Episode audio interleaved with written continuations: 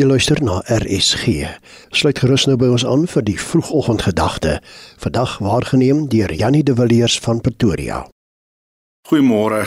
Vandag wil ek graag bietjie met jou praat oor jou vertroue in God, ongeag van waar jy jouself in die lewe op die oomblik bevind.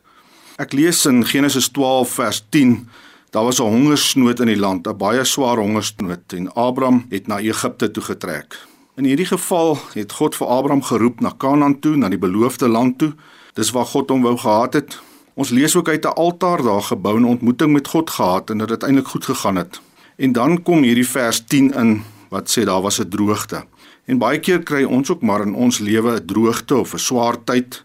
Dit mag dalk droog wees op die plaas of gaan droog met jou verhoudings en jou huwelik, jou kinders of jou familie. Jy kan dalk droogte hê by die werk met jou omstandighede daar of jou finansies, gesondheid of jy word 'n slagoffer van misdaad en korrupsie in ons land. Dit is alles dinge wat veroorsaak dat 'n mens droogte in jou lewe beleef. Maar wat ons nou wel sien hierso is dat Abraham bly nie waar God hom wou hê nie. Hy wyk uit en hy trek af syde toe na Egipte toe en hy het sy eie planne begin maak. Dit is maar 'n kenmerk van sy lewe dat hy bietjie eie planne maak. Daar in Egipte het hy 'n klompie probleme ook opgetel. Ons sien hy begin jok oor sy vrou, sê maar dit is sy suster. Ek wonder nogal hoe sy daaroor gevoel. Hy was bang dat hy hom sou doodmaak sodat hulle sy vrou kon afneem by hom. En tog het God vir hom 'n belofte gegee voor daai tyd al om te sê hy gaan 'n nageslag hê en hy gaan 'n lang lewe hê. Maar ons sien ook in Egipte het Abraham vir Hagar die slavin gekry wat later Ismael se ma geword het. En dit was nog lank voor Isak se geboorte. En ek dink al hierdie dinge het gemaak dat dit net meer en meer probleme vir Abraham daar in Egipte gehad het. Ons sien ook van Lot wat daar 'n klomp versoekings aan blootgestel was en wat ons sien later in die geskiedenis hoe hy hom vereenselwig het met Sodom en Gomorra se dinge.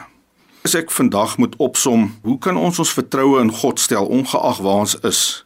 Dan leer ek uit hierdie les uit dat dit vir Abraham beter was om in die woestyn te gebly het met God, selfs met 'n droogte, selfs met 'n hongersnood rondom hom as om sonder God te wees in Egipte, daar waar jy dink jy moet wees of waar jy jou eie planne maak. So ek wil tog versoek dat ons ook op grond van die woord hier op God bly vertrou, ongeag van hoe die omstandighede rondom ons lyk. Kom ons bid saam. Here, dankie dat U vir ons sorg. Dankie Here dat U vir ons sorg selfs te midde van moeilike omstandighede, veral in ons land. In Jesus se naam. Amen. Dit was die vroegoggendgedagte hier op RSG, aangebied deur Jannie de Villiers van Pretoria.